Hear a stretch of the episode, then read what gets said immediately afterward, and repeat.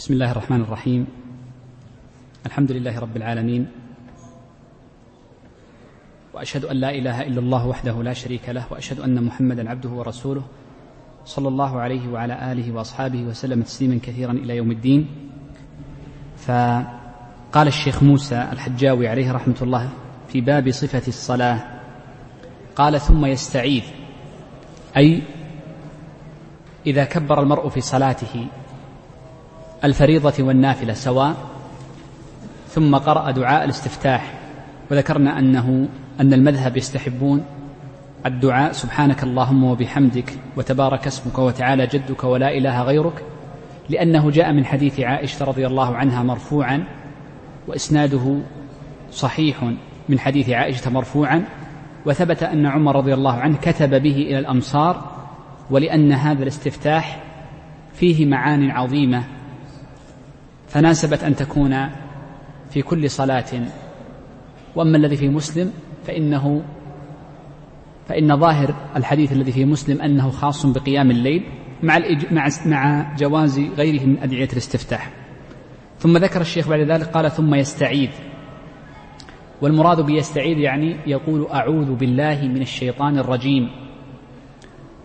والاستعاذة مستحبة بإجماع أهل العلم كما قال ابن جرير محمد بن جرير الطبري عليه رحمة الله.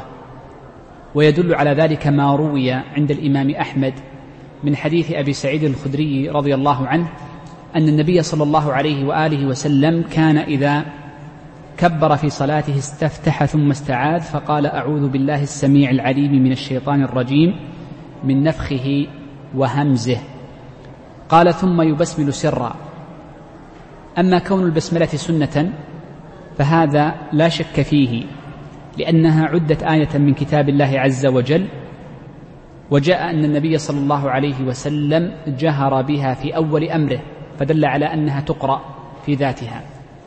وأما كونها تسر إسرارا فلما ثبت من حديث أنس رضي الله من حديث أنس رضي الله عنه وعبد الله بن مغفل وقد ذكر ابنه لما روى عنه هذا الحديث أن أباه كان من أشد الصحابة رضوان الله عليهم في عدم قبول الإحداث في الدين. قال رضي الله عنهما أنهما صليا خلف النبي صلى الله عليه وسلم وأبي بكر وعمر وعثمان فلم يجهروا ببسم الله الرحمن الرحيم. وجاء في رواية عند الطبراني من حديث أنس فكان يسر ببسم الله الرحمن الرحيم. هذا حديث أنس. وهذا يدل على استحباب الإسرار بالبسملة وعدم تركها بالكلية. قال الشيخ وليست من الفاتحة. أما كون بسم الله الرحمن الرحيم ليست من الفاتحة فهو المذهب. وهو ويدل على ذلك أن القراءة التي رجحها الأئمة مالك والشافعي وأحمد هي قراءة نافع أو ابن كثير نافع المدني أو ابن كثير المكي. وفي كلا القراءتين لم يعد بسم الله الرحمن الرحيم آية وإنما عد الحمد لله رب العالمين آية. وقد ثبت في صحيح مسلم من حديث أبي هريرة رضي الله عنه أن النبي صلى الله عليه وسلم قال قال الله عز وجل قسمت الصلاة بيني وبين عبدي نصفين ويعني بالصلاة هنا أي قراءة الفاتحة فيها. فإذا قال عبدي الحمد لله رب العالمين. قال الله عز وجل مجدني عبدي. فدل ذلك على أن أول ما يفتتح به من من الصلاة أو الفاتحة أو الأمر الواجب في الصلاة إنما هو الحمد لله رب العالمين فليست البسملة آية من الفاتحة وإنما البسملة آية من القرآن جعلت للفصل بين السور إلا قبل سورة براءة وهذا هو المعتمد من المذهب وهو الأقرب دليلا أيضا والأدلة تدل عليه كما جاء من حديث ابن عباس وغيره.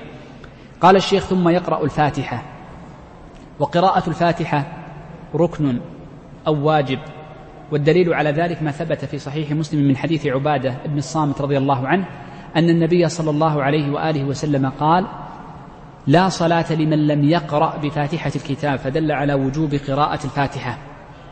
قال فإن قطعها بذكر أي بأي ذكر سواء كان الذكر تمجيدا لله عز وجل أو ذكر طلب ومسألة دعاء لله عز وجل أو كان قراءة قرآن فإن قراءة القرآن تعد ذكرا.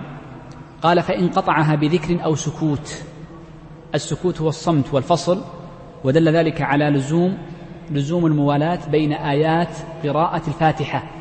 والدليل على أن الفصل أن السكوت الطويل يقطعها ما سبق معنا أن الله عز وجل سمى قراءة الفاتحة صلاة والصلاة تجب فيها الموالاة فيجب الموالاة بين آياتها. يقول الشيخ فإن قطعها أي قطع قراءة الفاتحة بين آية وأخرى أو بضع آية مع تتمتها بذكر أو سكوت غير مشروعين. الشرط الأول أن يكون غير مشروعين.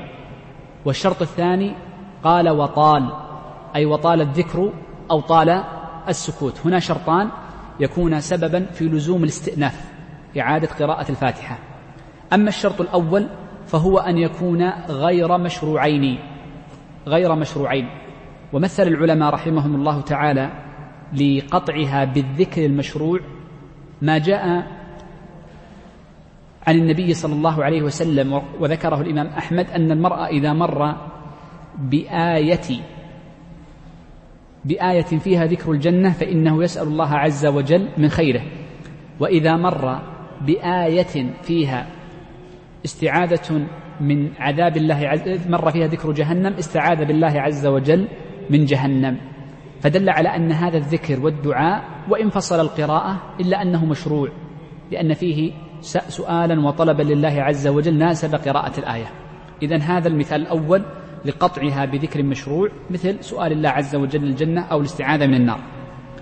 وأما السكوت الطويل وأما السكوت الطويل المشروع الذي لا يقطع الصلاة قالوا كالمأموم. إذ المأموم لو سكت لأجل فجزأ قراءة الفاتحة فقرأها قبل قراءة الفاتحة جزءا منها وجزء قرأه بعدها وجزء قرأه بعد قراءة الإمام فجزأ الفاتحة قالوا يجوز. إذا السكوت المشروع إنما هو للمأموم في الصلاة الجهرية فيجوز للمأموم في الصلاة الجهرية أن يفصل بين الآيات بسكوت طويل. وهذا السكوت مشروع. لماذا؟ لأجل لأجل الإنصات للإمام. إذا فقول الشيخ رحمه الله تعالى غير مشروعين يخرج معنا هاتين هذين الأمرين. وسأذكر أمرا ثالثا. وانظروا أنتم هل هو يلحق بالذكر أم أنه يلحق بالسكوت. المأموم إذا قرأ الفاتحة. وقبل أن يختم الفاتحة أمن الإمام. قال ولا الضالين. فقال معه المأمون مأموم آمين. ومد بها صوته. فهذا فصل لها بكلامه والذكر وقد يكون طويلا. فهل هذا داخل من الذكر؟ أجبتنا. هل هو داخل بالذكر أم داخل من السكوت؟ هنا داخل لا ما في سكوت. ذكر تكلم. هنا تكلم المأموم. فالذكر معتبر هنا فيعتبر من الذكر مثل قول آمين. إذا هذه أمثلة القطعها بذكر أو سكوت غير مشروعين وطال. يقول الشيخ أو ترك منها تشديدة. التشديد هو حرف ساكن. فالحرف المضعف أو المشدد هو في الحقيقة حرفان. أحدهما متحرك والآخر ساكن. إذا فكل حرف عليه شدة إنما هو حرفان. جعلت الشدة للدلالة على الحرف الساكن الذي هو شبيه بهذا الحرف. يقول أهل العلم والفاتحة فيها أحد عشر تشديدة إحدى عشر تشديدة. من ترك تشديدة من هذه التشديدات فكأنه ترك حرفا. ومن ترك حرفا بطلت قراءته فيلزمه استئنافها مرة أخرى. قالوا ومثال ذلك. عندما يذكر المرء فيقول الحمد لله رب العالمين. فلفظ الجلالة هنا فيه تشديده لله.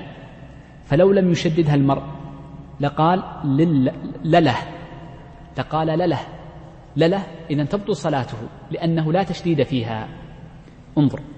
وقال بعض فقهاء المذهب وأما تخفيف التشديد شوف تخفيف التشديد فلا يبطل الصلاة لأن المستعجل بطبعه يخفف التشديد. ومثلوا لذلك بقول الله عز وجل بقول الله عز وجل في سورة الفاتحة إياك. فبعض الناس من من سرعة القراءة ربما خفف شوف لم يسهل لم يسهل يعني يلغي التشديد وإنما خفف التشديد فجعلها خفيفة. فيقول إياك. هكذا خفيفة جدا. فعند التأمل تجدها موجودة ولكنها خفيفة.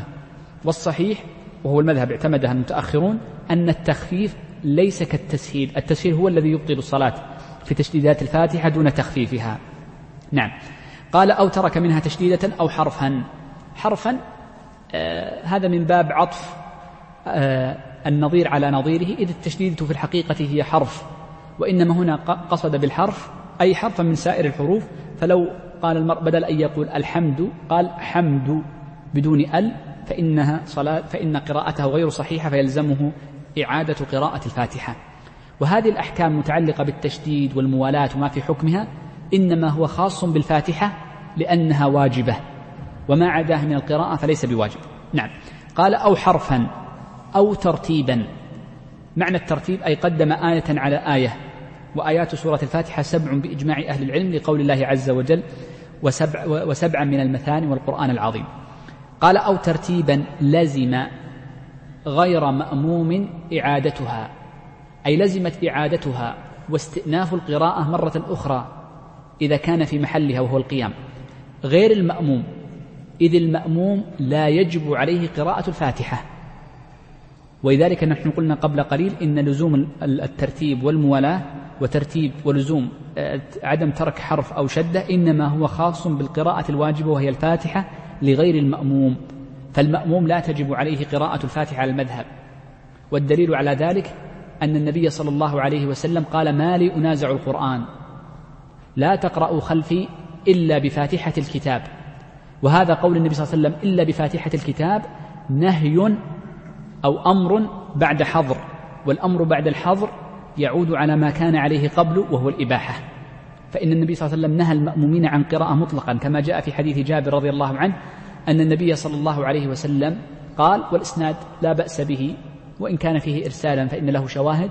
فإن النبي صلى الله عليه وسلم قال من كان له إمام فقراءة الإمام له قراءة. هذا حديث جابر وله شواهد.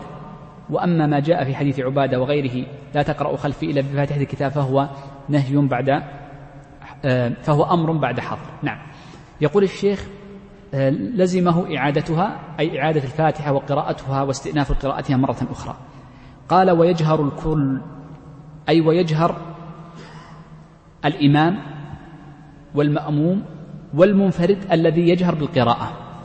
قال ويجهر الكل بآمين في الجهر أي في في في في في القراءة الجهرية.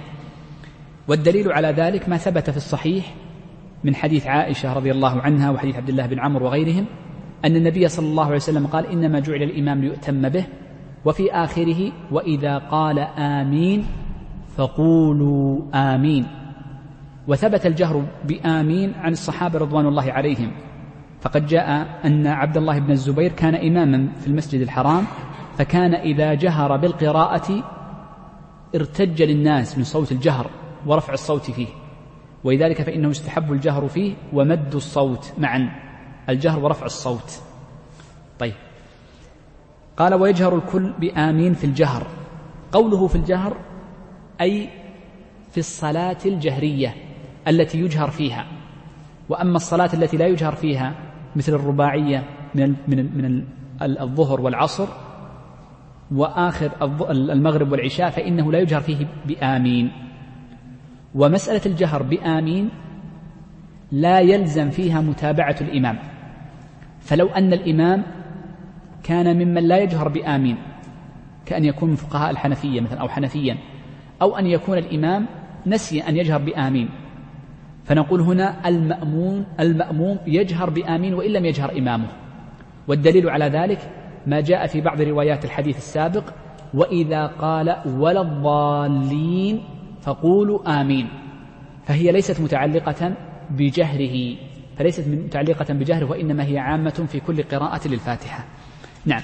قال الشيخ ثم يقرأ بعدها سورة أي كاملة والمستحب أن تكون كاملة لأنه كما ذكر ابن القيم رحمه الله تعالى في زاد المعاد أنه لم ينقل عن النبي صلى الله عليه وسلم إلا في مواضع معدودة أنه قرأ أو صلى إلا بسورة كاملة. نعم. فيستحب أن تكون السورة كاملة ندبا على المذهب المعتمد عند المتأخرين وهو الصحيح دليلا. قال تكون في الصبح من طوال المفصل. آه، قبل أن نتكلم طبعا آه، الدليل على أو قبل أن نتكلم عن تقسيمها في الصبح وفي سائر الفروض يجب أن نعرف ما المفصل وما المراد به وما آه، ومتى يكون حساب المفصل.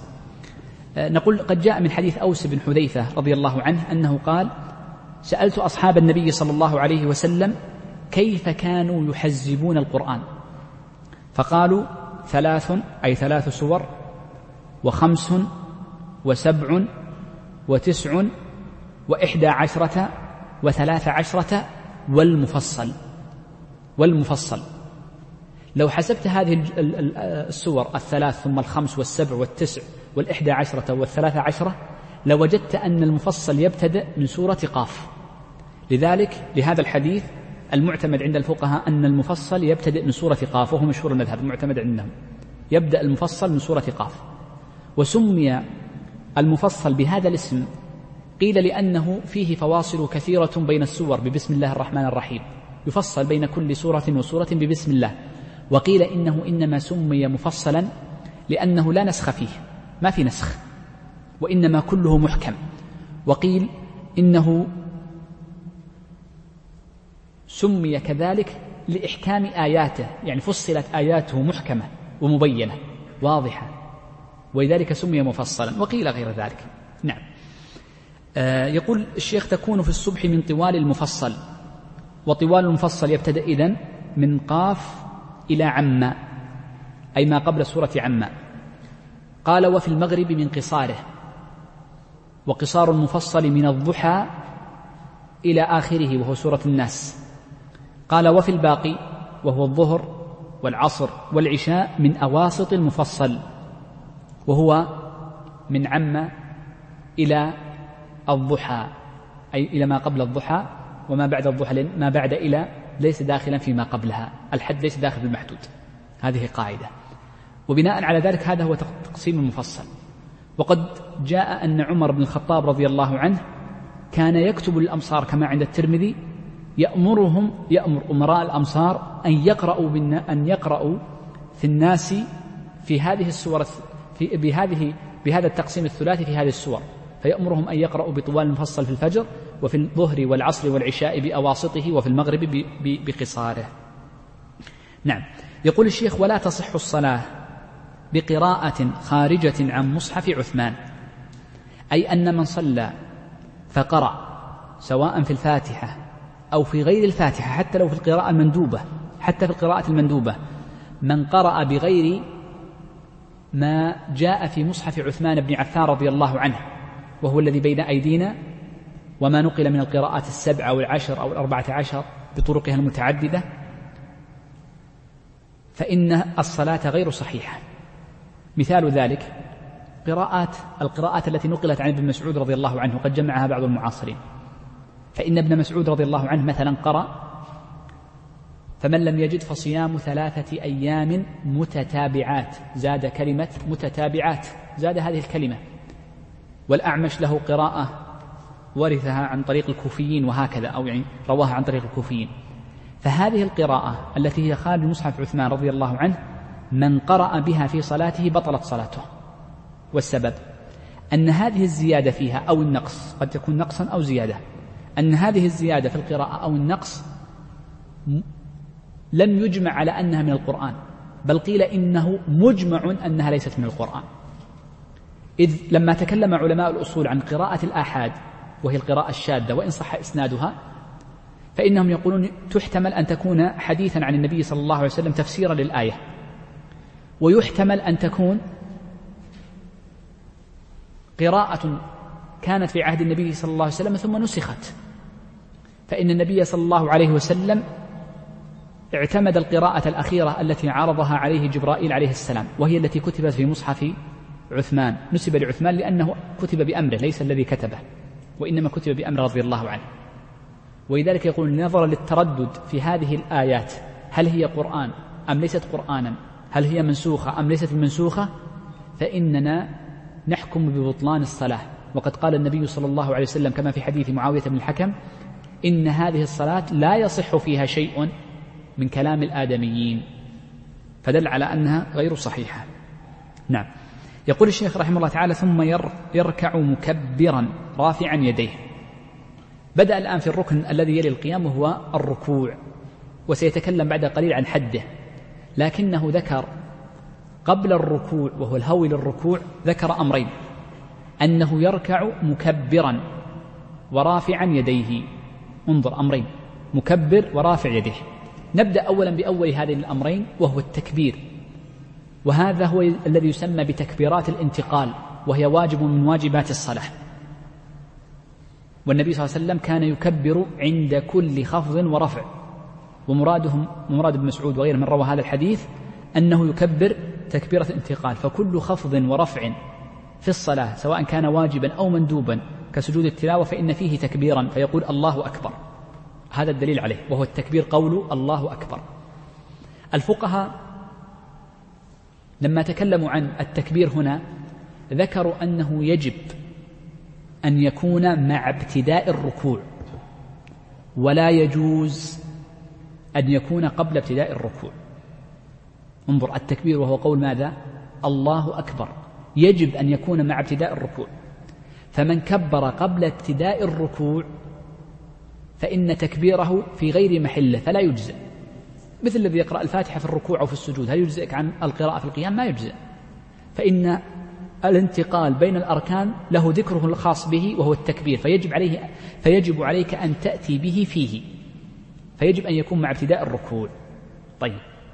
هل يلزم أن يكون مستوعبا لما بين الركنين وهو الطريق؟ المعتمد من المذهب أنه لا يجب لا يجب استيعاب ما بين الركنين. لا يجب. والدليل على ذلك أنه قد جاء عند أبي داود أن النبي صلى الله عليه وسلم قال السلام حذف. ومعنى حذف يعني لا مد فيه فتقول السلام عليكم ورحمة الله مباشرة. قال الإمام أحمد في كتاب الصلاة قال والتكبير مثله. أي تكبيرات الإحرام وتكبيرات الإحرام تكبيرات تكبيرة الإحرام وتكبيرات الانتقال مثله حذف لا تكون مدا. إلا المجد أبو البركات فإنه ذكر أنه يلزم استيعاب ما بين الركنين وفيه نظر. لا شك. قال يكون أيضا مكبرا رافعا يديه. رفع اليدين هذه سنة التكبير واجب ورفع اليدين هنا سنة وصفة رفع اليدين مثل ما سبق معنا وأن له موضعان كما في حديث ابن عمر ومالك بن حويرث إما عند حدو المنكبين أو محاذاة الأذنين وكلاهما ورد به النص وهو في المذهب من باب اختلاف التنوع. قال رافعا يديه ويضعهما على ركبتيه. المذهب عند المتأخرين المعتمد نعم فيه خلاف بين المتأخرين فيه لكن الأقرب المعتمد عند المتأخرين أن وضع اليدين على الركبتين واجب. واجب. فيجب وضع الركبة اليدين على الركبتين وجوبا لأن هذا أقل حد يسمى ركوعا. قال مفرجتي الأصابع. فالسنة أن تكون مفرجة الأصابع كما ثبت عن النبي صلى الله عليه وسلم أنه لما وضع يديه على ركبتيه فرج أصابعه.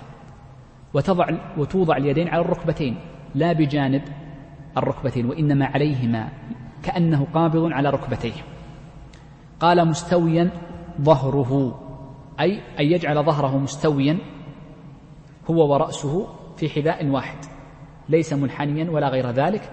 وقد جاء في ذلك أكثر من حديث منه حديث عائشة رضي الله عنها الذي في الصحيح أعني صحيح مسلم أن النبي صلى الله عليه وسلم كان إذا ركع لم يصوب رأسه ولم يشخصه ولكن بين ذلك فيجعله مستويا. وقد جاء النبي صلى الله عليه وسلم كان إذا ركع لو وضع على ظهره إناء لمن سكب عليه الصلاة والسلام.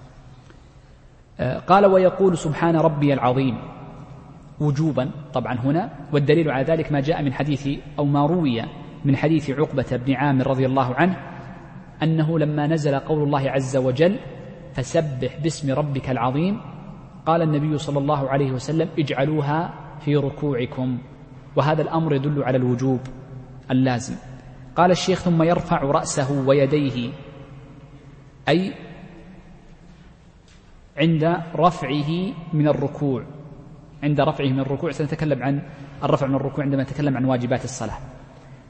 يرفع رأسه ويديه معهما الجميع سواء كان إماما أو منفردا أو مأموما. قائلا إمام ومنفرد. هذه مسألة أخرى غير المسألة الأولى. قائلا إمام ومنفرد سمع الله لمن حمده. فالإمام والمنفرد إذا قام من ركوعه بدل ما يقول الله أكبر في تكبيرة الانتقال التي في الطريق يقولون هم في الطريق ما يقولها إذا استتم قائما ولا يقولها وهو راكع وإنما في الطريق يقول سمع الله لمن حمده. الإمام المنفرد بحديث ابن عمر وأبي هريرة وغيرهم ومنها إذا قال الإمام سمع الله لمن حمده فقولوا ربنا ولك الحمد. فدل على أن التسميع هنا يسمى هذا التسميع أن التسميع للإمام. قال وبعد قيامهما انتبه لهذه المسألة. أي قيام الإمام و و والمنفرد. شوف وبعد قيامهما ربنا ولك الحمد ملء السماء وملء الأرض وملء ما شئت من شيء بعد. لأنه جاء من حديث علي رضي الله عنه أن النبي صلى الله والحديث مسلم النبي صلى الله عليه وآله وسلم كان إذا قام من ركوعه قال هذا الدعاء. ربنا ولك الحمد آه، ملء السماوات وملء الأرض وملء ما شئت من شيء بعد. يقول الشيخ ومأموم في رفعه. أي إذا رفع المأموم يقول في الطريق ربنا ولك الحمد. فقط. وفائدة قوله فقط مسألتان. المسألة الأولى أن المأموم لا يقول سمع الله لمن حمده في الطريق في الرفع. ما يقول هذا الدعاء؟ معي؟ لا يقول سمع الله لمن حمده. وهذا الحديث فيه صريح.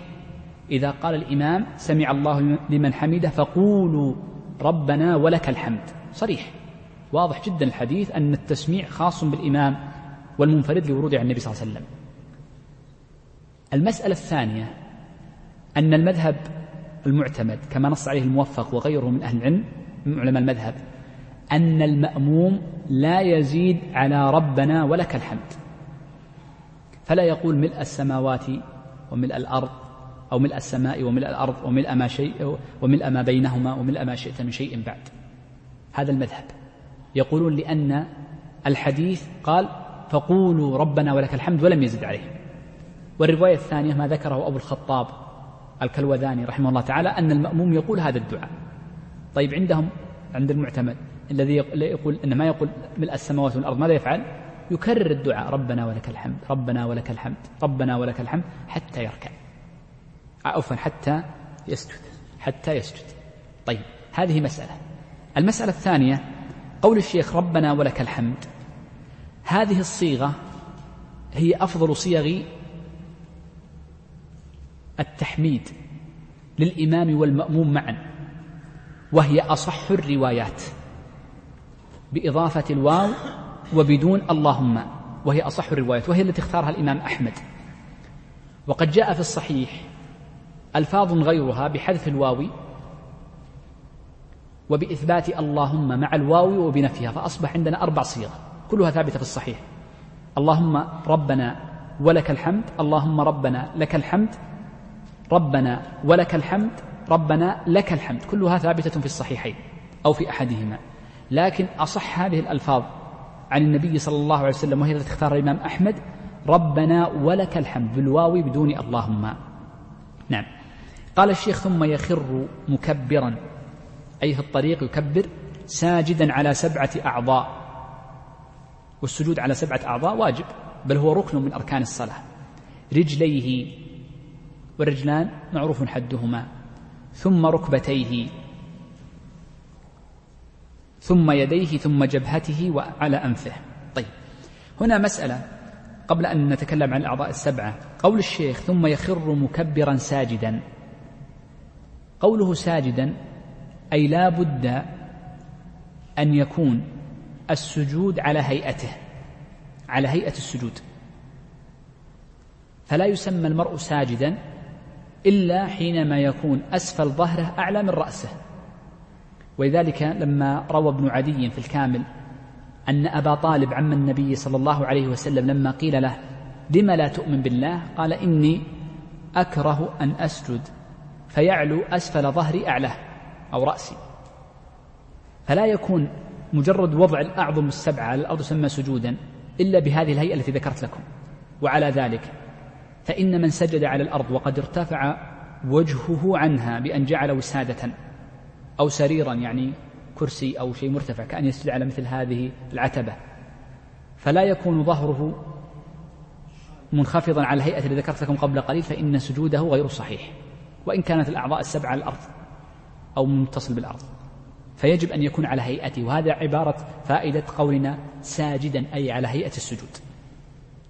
السجود على السبعة الأعظم واجب لما ثبت من حديث ابن عباس رضي الله عنهما في الصحيح قال أمرنا أي أمر النبي صلى الله عليه وآله وسلم أمرنا أن نسجد على سبعة أعظم وعدها. طيب. آه هذه السبعة الأعضاء يقول الفقهاء رحمهم الله تعالى يجب أن تكون السبعة كاملة على الأرض. ولو بعض كل عضو. انتبه للعبارة. ولو بعض كل عضو. نأتي لهذه الأعضاء السبعة ونعرف كيف يكون بعضها. الرجلين وهما القدمان. بعض بعض بعض هذين الرجلين بأن يكون أطراف أصابع فقط إلى إلى الأرض متصلة بالأرض.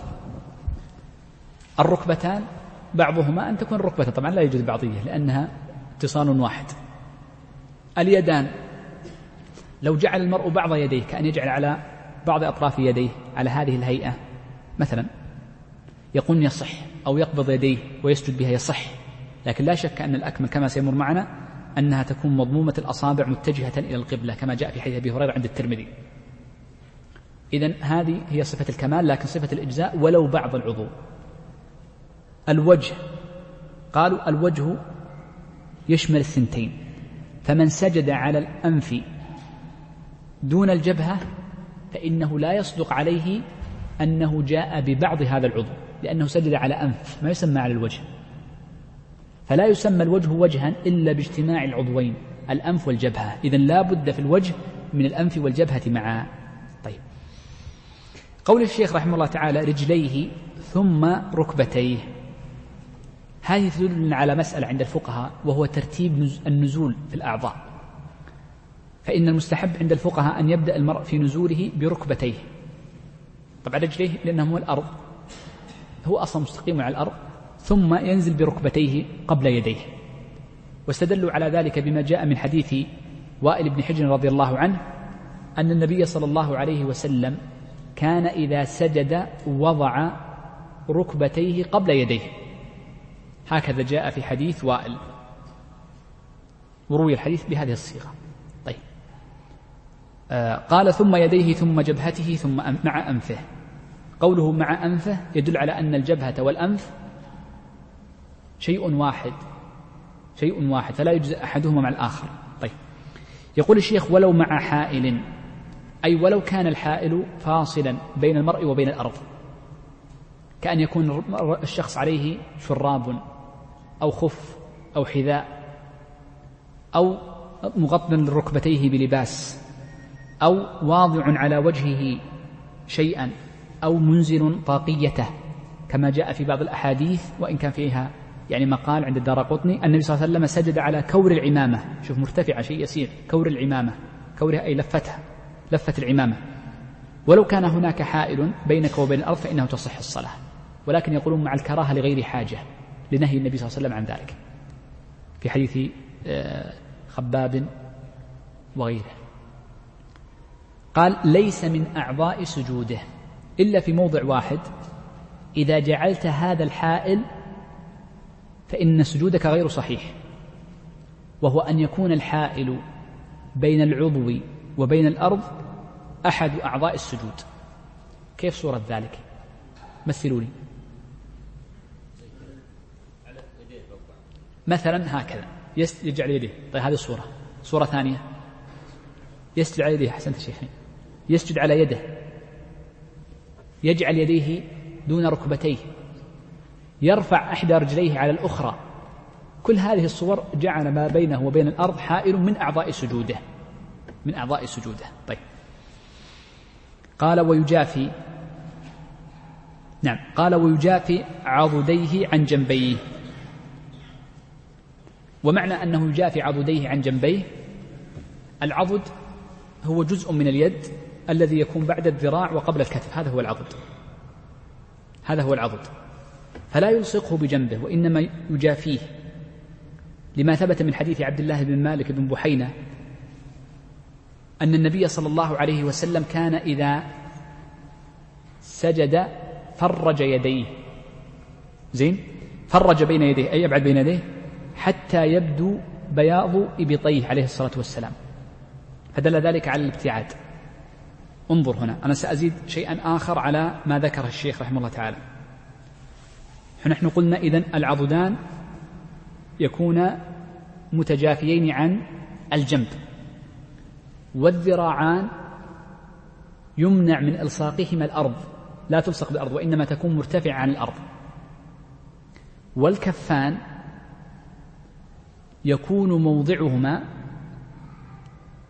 كموضعهما حال التكبير.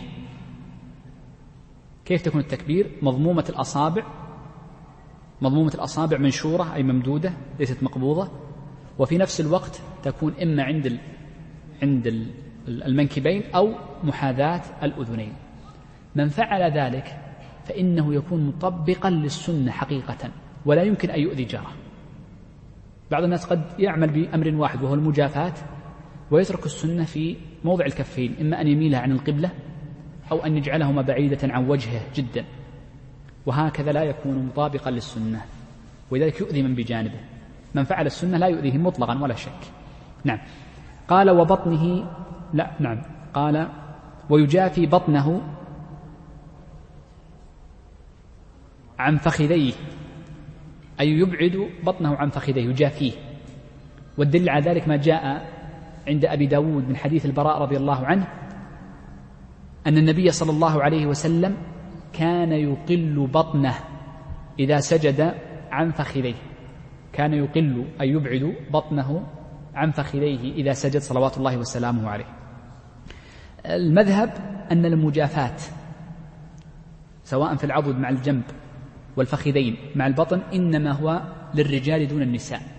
فإن النساء السنة لها أن تضم نفسها فلا تجافي آه، لا العضدين ولا البطن عن الفخذين من كمال سترها.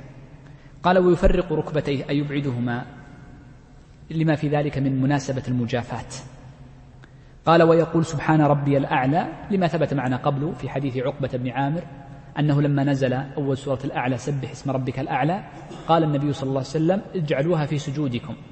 وثبت من حديث علي من حديث حذيفة رضي الله عنه أن النبي صلى الله عليه وسلم كان يقول في سجوده سبحان ربي الأعلى. قال ثم يرفع رأسه مكبرا أي في الطريق فيكون تكبيره مع ابتداء رفعه. ويجلس مفترشا يسراه ناصبا يمناه. مفترش أي جعلها على هيئة مفترشة نائمة ويجلس عليها. وأما الرجل اليمنى فينصبها يجعلها منصوبة منصوبة إما أن يوجه أصابعها إلى القبلة أو وهو الأفضل أو لا. قال ويقول رب اغفر لي وجوبا. وسيمر معنا إن شاء الله دليل عليه. وطبعا ولا شك أن الكمال ثلاث. ويسجد الثانية كالأولى أي ويفعل في السجدة الثانية في هذه الركعة مثل ما فعل في الأولى. ثم يرفع مكبرا أي عند ابتداء رفعه. ولذلك يفرقون بين الرفع وبين الركن الذي بعده. ثم يرفع مكبرا ناهضا على صدور قدميه. معتمدا على ركبتيه أي معتمدا بيديه على ركبتيه. الفقهاء يقولون إن المرأة إذا هوى لسجوده فالسنة إذا قام من سجوده أن يكون عكس قيامه. فيكون آخر ما هوى إلى الأرض هو أول ما يرتفع منها. نحن قلنا قبل قليل إن أول ما يهوي به إلى الأرض ركبتاه لحديث وائل بن حجر رضي الله عنه وآخر ما يهوي وجهه وبينهما يده. فإذا أراد أن يرتفع من سجوده فإنه يرفع وجهه ثم يرفع يديه بعد ذلك ثم ركبتيه. ويداه وهو في الطريق يعتمد بهما على ركبتيه أي يجعلهما على ركبتيه من باب الاعتماد من باب الاعتماد عليهما إلا أن يشق عليه. لذلك قال إن سهل أي إن سهل عليه أن يعتمد على على على ركبتيه. واضح كيف الاعتماد على الركبتين؟ ولا نشوف واحد صغير؟ ما شاء الله. ما في حد. أصغر مني. ها. تفزع؟ جزاك الله خير. آه، يعني بس عشان آه، يعني الاعتماد. بس ما حد شايف كذا الله لا يهينك. آه، وأنت جالس اعتمد على ركبتيك للقيام. إيه اعتمد على الركبتين في القيام. لا على ركبتيك. اجعل يديك على ركبتيك. أيوة قم. قم الآن. صعبة هي شيء عجيب. لا هذا اعتمدت على يديك. هذا معناه إنك يصعب عليك الاعتماد على ركبتين. سمي شيخ تفضل. الله لا يهينك يا شيخ. عبد الله. تفضل يا شيخ عبد الله.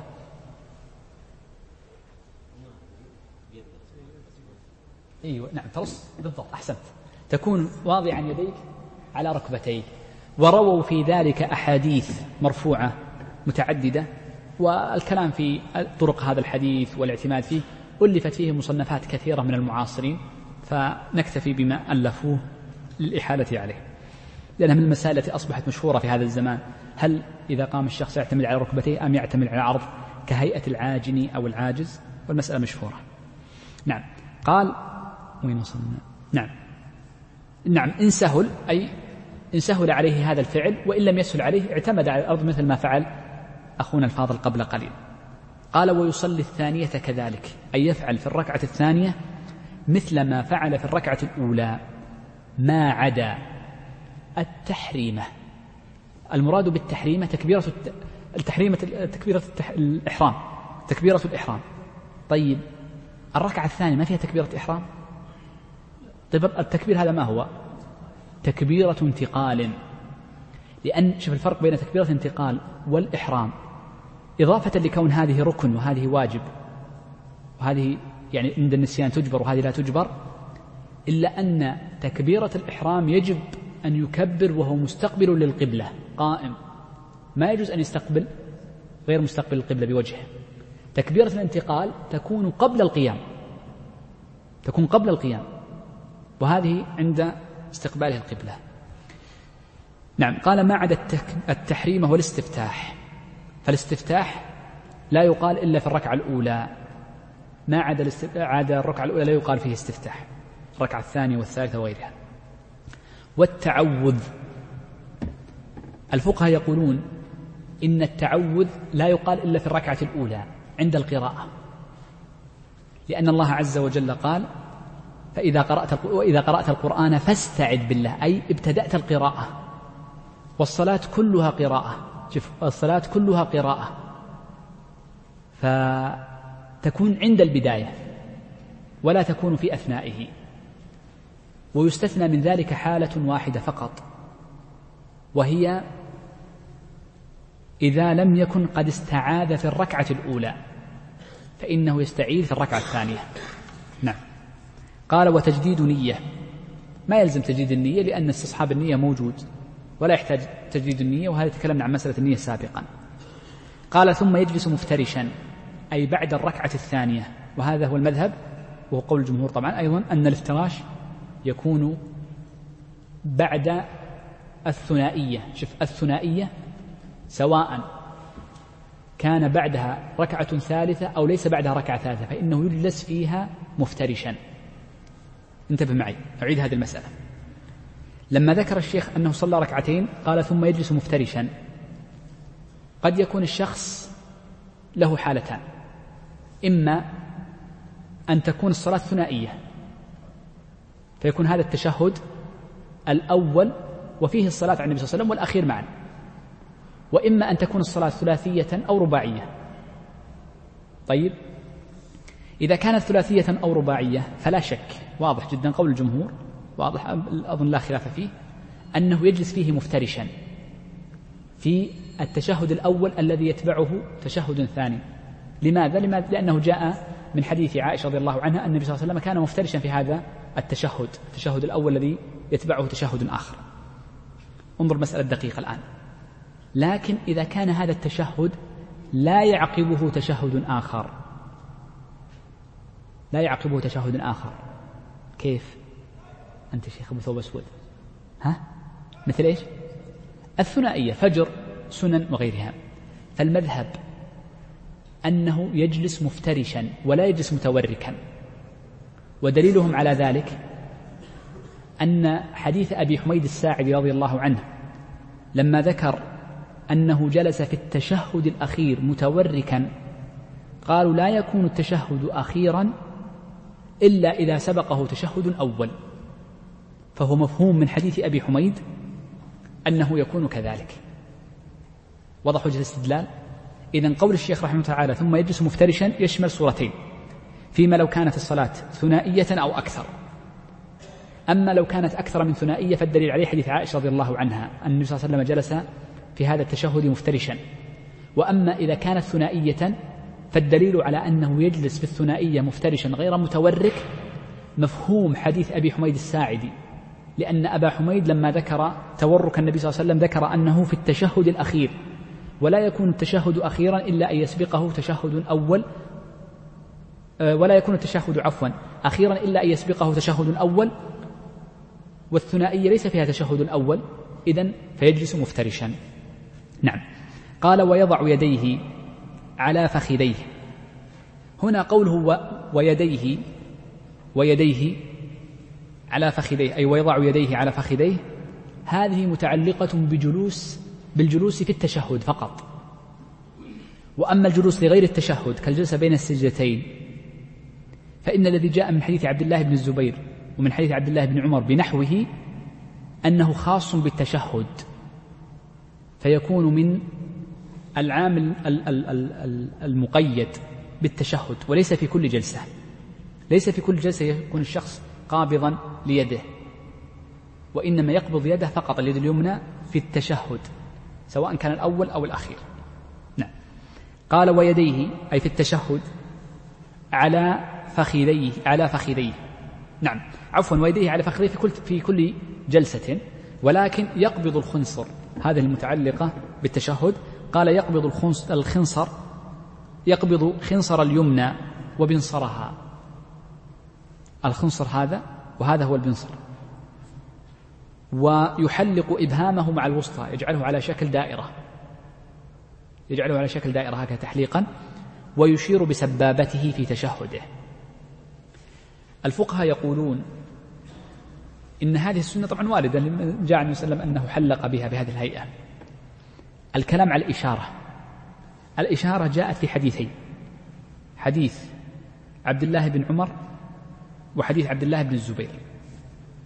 يقولون وأما زيادة يحركها فإنها ضعيفة. في حديث عبد الله بن الزبير ضعيفة. لا يصح أن وسلم كان يحركها. إنما جاء يشير بها إذا دعا. يشير بها إذا دعا. ولذلك يقولون هكذا يقولون. يجعل يده يشير فقط إشارة. فإذا جاء الذكر أشار به إشارة لا تحريكا لا يحرك وإنما يشير إشارة إذا دعا. وعندهم من الدعاء يكون في التشهد والطلب. الحديث يدعو بها. والفقهاء قالوا إذا تشهد. والسبب أن التشهد دعاء. فقد قال النبي صلى الله عليه وسلم أفضل ما دعوت أنا والنبيون في يوم عرفة لا أو أفضل ما دعوت به أنا والنبيون في يوم عرفة لا إله إلا الله وحده لا شريك له. أعيدها؟ الفقهاء يقول لا يحرك التحريك ضعيف. المذهب أنه ضعيف وهو الدليل حتى قول كثير من أهل العلم من المحدثين وغيرهم أن زيادة التحريك في حديث عبد الله بن الزبير ضعيفة. وحديث لا يحركها أيضا ضعيفة وإنما يشير بها فهو يصبح مشيرا بها. فإذا جاء الذكر ما تشوف. طيب هكذا. فإذا جاء الذكر فإذا جاء الذكر أشار بها إشارة فقط. يشير به إشارة يشير به إشارة. مثل أنت إذا دعوت الله عز وجل أي دعاء ترفع يديك أو تشير بيدك. اللهم اغفر لي. حديث ابن عباس عند أبي داود يشير إن شخص بإصبعه. اللهم اغفر لي. اللهم ارحمني. الله ارحم ما تحرك يدك. تشير إشارة فقط. اللهم ارحمني. عند الدعاء.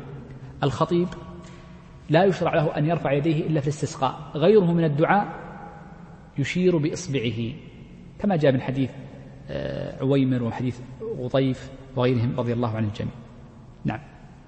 قال ويحلق إبهام مع الوسطى ويشير بسبابته في تشهده أي في قول أشهد أن لا إله إلا الله إذا كان التشهد الأول أو في الدعاء عند ما بعد ذلك. ويبسط اليسرى تكون مبسوطة مبسوطة ممدودة وليس مقبوضا على الركبة وإنما تكون مبسوطة. أطراف الأصابع عند منتهى الفخذ. لا يجعلها على الركبة وإنما يجعلها على الفخذ. ويقول التحيات لله والصلوات والطيبات. السلام عليك أيها النبي ورحمة الله وبركاته. السلام علينا وعلى عباد الله الصالحين.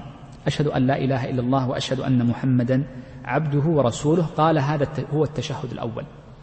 نشرح هذه الجملة بسرعة ثم نتكلم عن دليلها. آه، التحيات أو التشهد فيه أن المرء يقول التحيات لله أي أن الحياة التحيات هنا بمعنى الحياة أي أن الحياة لله. فالله عز وجل هو الحي من أسمائه بل إن من أسمائه التي قيل إنها من أسماء الاسم الأعظم الحي القيوم. فالله هو الحي ومنه الحياة فهو الذي يحيي ويميت فهو المحيي وهو الحي. فهذه الاسمان نستفيدها استخرجنا منها هذا الفعل وهو التحيات. فالحياة كلها لله عز وجل ومنه سبحانه وتعالى. فالتحيات لله والصلوات والطيبات. فيقول العبد إن كل صلاتي دعائي وصلاتي هذه المخصوصة من التكبير إلى التسليم لله. قل إن صلاتي ونسكي ومحياي لله رب العالمين. فهو كمال الإخلاص له جل وعلا في أفعال العباد. والطيبات. قيل في معنى الطيبات أقوال أقربها ولا وهذا من اختلاف التنوع أن المراد بالطيبات الكلمات الطيبات والباقيات الصالحات. الباقيات الصالحات هي كلمات الطيبات سبحان الله والحمد لله ولا إله إلا الله والله أكبر وكل هذه الكلمات الأربع تقال في الصلاة. تجدها تقال في الصلاة على سبيل الوجوب. أحيانا التسبيح واجب متى؟ متى التسبيح واجب؟ في الركوع والسجود. لا إله إلا الله واجب أين في التشهد الله أكبر. انتقال. الحمد لله في الفاتحة. إذا كلمات الطيبات هذه الباقيات الصالحات. وهي الطيبات. السلام عليك أيها النبي. يسلم على النبي صلى الله عليه وسلم. وهذا ليس وليس من هذا ليس من دعائه عليه الصلاة والسلام مطلقا. وإنما تسليم عليه. فإن لله عز وجل ملائكة سيارين يوصلون سلام الناس إليه صلاة الله وسلامه عليه. ورحمة الله وبركاته معروف فيها. السلام علينا وعلى عباد الله الصالحين. جاء في الحديث أن من قال هذا الدعاء ما من عبد صالح إلا وتبلغه هذا السلام. أشهد أن لا إله إلا الله وأشهد أن محمدا عبده ورسوله. هذا يدل على أن التشهد واجب. يقول الشيخ تقي الدين وهذه فائدة خارجة عن الدرس إن التشهد واجب في الصلاة وفي الأذان وفي الخطبة. فإن في الخطبة النبي صلى الله عليه وسلم ما ترك خطبة الحاجة قط وفيها إن الحمد لله أشهد أن لا إله إلا الله وأشهد أن محمدا عبده ورسوله. ولذلك يقول الشيخ إن الأقرب أن السنة أن يفتتح المرء حديثه بالتشهد بعد الحمدلة وهو أفضل من الحمدلة والصلاة وإنما تفتتح بالحمدلة والتشهد. إن أتيت بخطبة الحاجة فلا شك أنه أكمل ولكن هذا يليه قال هذا التشهد الأول أي الذي يقال في كل جلوس يسمى تشهدا. ثم يقول بعده اللهم صل على محمد. طبعا قبل أن نقول ثم يقول آه، التشهد جاء عن النبي صلى الله عليه وسلم فيه صيغ مختلفة. وكل ما صح عن النبي صلى الله عليه وسلم أو عن أصحابه فإن له حكم الرفع فيجوز فيكون من اختلاف التنوع. لكن فقهاء المذهب اختاروا هذه الرواية من حديث ابن مسعود قالوا لأنه أصحها إسنادا. والإمام أحمد عنده في الأحاديث قاعدة عنده أن ما جاء على اختلاف التنوع يعمل به جميعا ويرجح منها من باب الأفضلية أصحها إسنادا. غيره من أهل العلم يرى الترجيح بين الألفاظ مطلقا فيقول أحدها معمول والآخر منسوخ وهذا فيه بعد. أو يرجح الأكثر لفظا. وأما أحمد فإنه يرى أن الترجيح بأصحها إسناد وهذا له قواعده المعروفة طيب. قال ثم يقول أي يقول في التشهد الذي يعقبه السلام في التشهد الذي يعقبه السلام. إذ المذهب انتبه هذه المسألة دقيقة أن التشهد الذي يكون بين الثانية والثالثة لا يزاد فيه على التحيات. وقالوا لأن أبا جعفر الطحاوي رحمه الله تعالى نقل الإجماع. نقل إجماع سكوتي طبعا أو ظني. نقل الإجماع على أنه لا يزاد في هذا في هذه الجلسة على التحيات. والنبي صلى الله عليه وسلم كما ثبت عند الترمذي كان إذا جلس لهذا التشهد وهو التشهد الأول كأنما جلس على حجارة على رمض وهو الحجارة المحماة من شدة استعجاله فدل على أنه لا يزاد عليه. هذا هو المذهب. طيب. ثم يقول أي في الجلسة التي تكون بعدها السلام اللهم صل على محمد. وهنا صلاة على النبي صلى الله عليه وسلم هو دعاء له. دعاء دعاء النبي صلى الله عليه وسلم وهو ينتفع به عليه الصلاة والسلام. ولذلك هو أرفع الناس درجة في المنزلة صلوات الله وسلامه عليه. ومن صلى على النبي صلى الله عليه وسلم صلاة صلى الله عليه بها عشرا. قال وعلى آل محمد. والمراد بآل محمد هم المسلمون. إذ قد جاء عند تمام الرازي في كتاب الفوائد أن النبي صلى الله عليه وسلم سئل من آلك؟ فقال كل تقي. كل تقي. واختار ذلك الإمام أحمد. فآله صلى الله عليه وسلم وأهل بيته في باب الزكاة لهم معنى يختلف عنهم في باب الدعاء. ولذلك المعتمد المتأخر عن فقهاء واختار الشيخ السعدي أن المراد بالآل في باب الدعاء المسلمون المسلمون عموما. ولا شك أن من كان من أهل بيت النبي صلى الله عليه وآله وسلم فإن لهم فضلا ومزية وهم داخلون في هذا الدعاء دخولا أولويا. ليس فيه نقصا ولا محاجة ولا, ولا عيبا. ولذلك النبي صلى الله عليه وسلم كما روي عنه أنه قال آلي كل تقي. فأنت عندما تقول اللهم صل على محمد وآله فالمراد به يدخل فيه كل تقي. وهذا من عموم فضل الله عز وجل وإحسانه. وليس فيه منقصة البتة لآل بيت النبي صلى الله عليه وسلم وأهل بيته فإن لهم أحكاما تخصهم. وفي مسلم أن النبي صلى الله عليه وسلم قال من بطأ به عمله لم يسرع به نسبه. العمل هو العبرة. نعم. نعم. قال كما صليت على آل إبراهيم إنك حميد مجيد. والمراد بآل إبراهيم لا شك أنهم الأنبياء وليس كل من كان من ذريته عليه السلام. ولذلك من باب دلالة الاقتران استدل به على ما سبق. إنك حميد مجيد وبارك على محمد وعلى آل محمد كما باركت على آل إبراهيم إنك حميد مجيد. هذه اللفظة هي التي جاءت من حديث كعب بن عجرة رضي الله عنه وقد جاءت ألفاظ مختلفة من حديث كعب وجاء من حديث غيره رضي الله عن الجميع وهذه اختاروها لأنها الأكمل أو الأصح إسنادا. قال ويستعيد من عذاب جهنم وعذاب القبر وفتنة المحيا والممات وفتنة المسيح الدجال كما ثبت في صحيح مسلم النبي صلى الله عليه وسلم أمر بأن تجعل في في في الصلاة. ولذلك كان طاووس يأمر ابنه أن يعني أن يقولها فإذا لم يقلها أمره أن يعيد صلاته. فهي تقول أعوذ بالله من عذاب جهنم ومن عذاب القبر ومن فتنة المحيا والممات وفتنة المسيح الدجال. قال ويدعو بما ورد. هنا قوله ويدعو بما ورد الذي ثبت في الصحيح أن النبي صلى الله عليه وسلم قال ثم يتخير من الدعاء ما شاء وعبر المصنف رحمه الله تعالى بيدعو بما ورد. لأن المعتمد في المذهب كما نص عليه القاضي علاء الدين المرداوي عليه رحمة الله وهو شيخ المذهب ولا شك أن الصلاة لا يدعى فيها لا يدعو فيها المرء بما شاء وإنما يدعو بجوامع الكلم التي وردت عن النبي صلى الله عليه وسلم.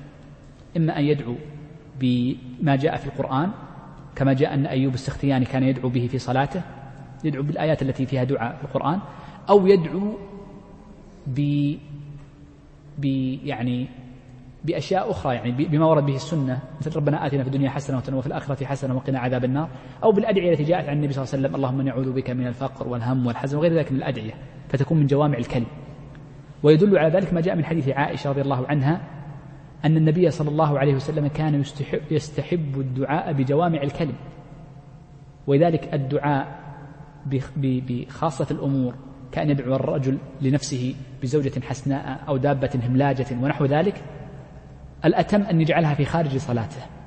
وأما الصلاة فإنها تكون بجوامع الكلم الذي فيه خير الدنيا والآخرة. المذهب وجوبا وهذا هو المعتمد عند المتأخرين. الفرض خلينا نتكلم عنها بعد الدرس لأنها طيب. قال ثم يسلم عن يمينه. قوله ويسلم عن يمينه أي يبتدئ السلام عند الالتفات. مثل ما قلنا في تكبيرة الانتقال فالتسليم يكون عند الالتفات. فإذا بدأ في الالتفات قال السلام عليكم ورحمة الله. فيقول السلام عليكم ورحمة الله. وأما زيادة وبركاته فإنها ضعيفة. فيها شذوذ عن شعبة في قضية زيادة هذه اللفظة. قال وعن يساره أي ويجب السلام عن يساره لأنه لم يصح عن النبي صلى الله عليه وسلم أنه سلم تسليمة واحدة. وما جاء من حديث عائشة فإن زيادة تسليمة فإن الحديث سلموا تسليمة صحيحة. زيادة كلمة واحدة ضعيفة سنتكلم عنها إن شاء الله في الأركان. قال وعن يساره كذلك أي ويسلم تسليمة أخرى فيكون تسليمه عن اليسار. والسنة فيه كما سبق معنا أن يكون حذفا فيقول السلام عليكم ورحمة الله. ما يمد فإن هذا المد خلاف السنة كما جاء عند أبي داود. قال وإن كان في ثلاثية أي في صلاة ثلاثية ك كالمغرب أو رباعية كالظهر والعصر ونحوها نهض مكبرا بعد التشهد الأول أي مكبرا عند ابتداء نهوضه. يقول الله أكبر ويرفع يديه فيها. وصلى ما بقي كالثانية بالحمد فقط أي لا يقرأ مع الحمد سورة, سورة أخرى. قال ثم يجلس في تشهده الأخير متوركا. انظر هنا ما ذكر التورك إلا في التشهد الأخير الذي يعقبه الذي يسبقه يسبقه تشهد أول فيكون متوركا لما جاء من حديث أبي حميد الساعدي. قال والمرأة مثله أي مثل الرجل في كل الأحكام السابقة لكنها تضم نفسها فلا يكون هناك يعني آه يعني تفريق بين عضديها وجنبها ونحو ذلك. وتسدل رجليها في جانب يمينها لأنها إذا إذا افترشت ربما كان فيه ظهور لبعض أعضاء قدميها ونحو ذلك فالسنة أن تكون مسدلة لقدميها هذا اللي ذكروه من باب كمال الستر. آه، بذلك نكون أنهينا هذا الفصل بحمد الله عز وجل كاملا. نبدأ إن شاء الله الفصل الأسبوع القادم بالفصل الثاني. اعذروني زدت عليكم خمس دقائق الدرس اليوم طويل شوي لكن إن شاء الله أنهينا فصلا كاملا. أسأل الله عز وجل الجميع التوفيق والسداد وصلى الله وسلم على نبينا محمد.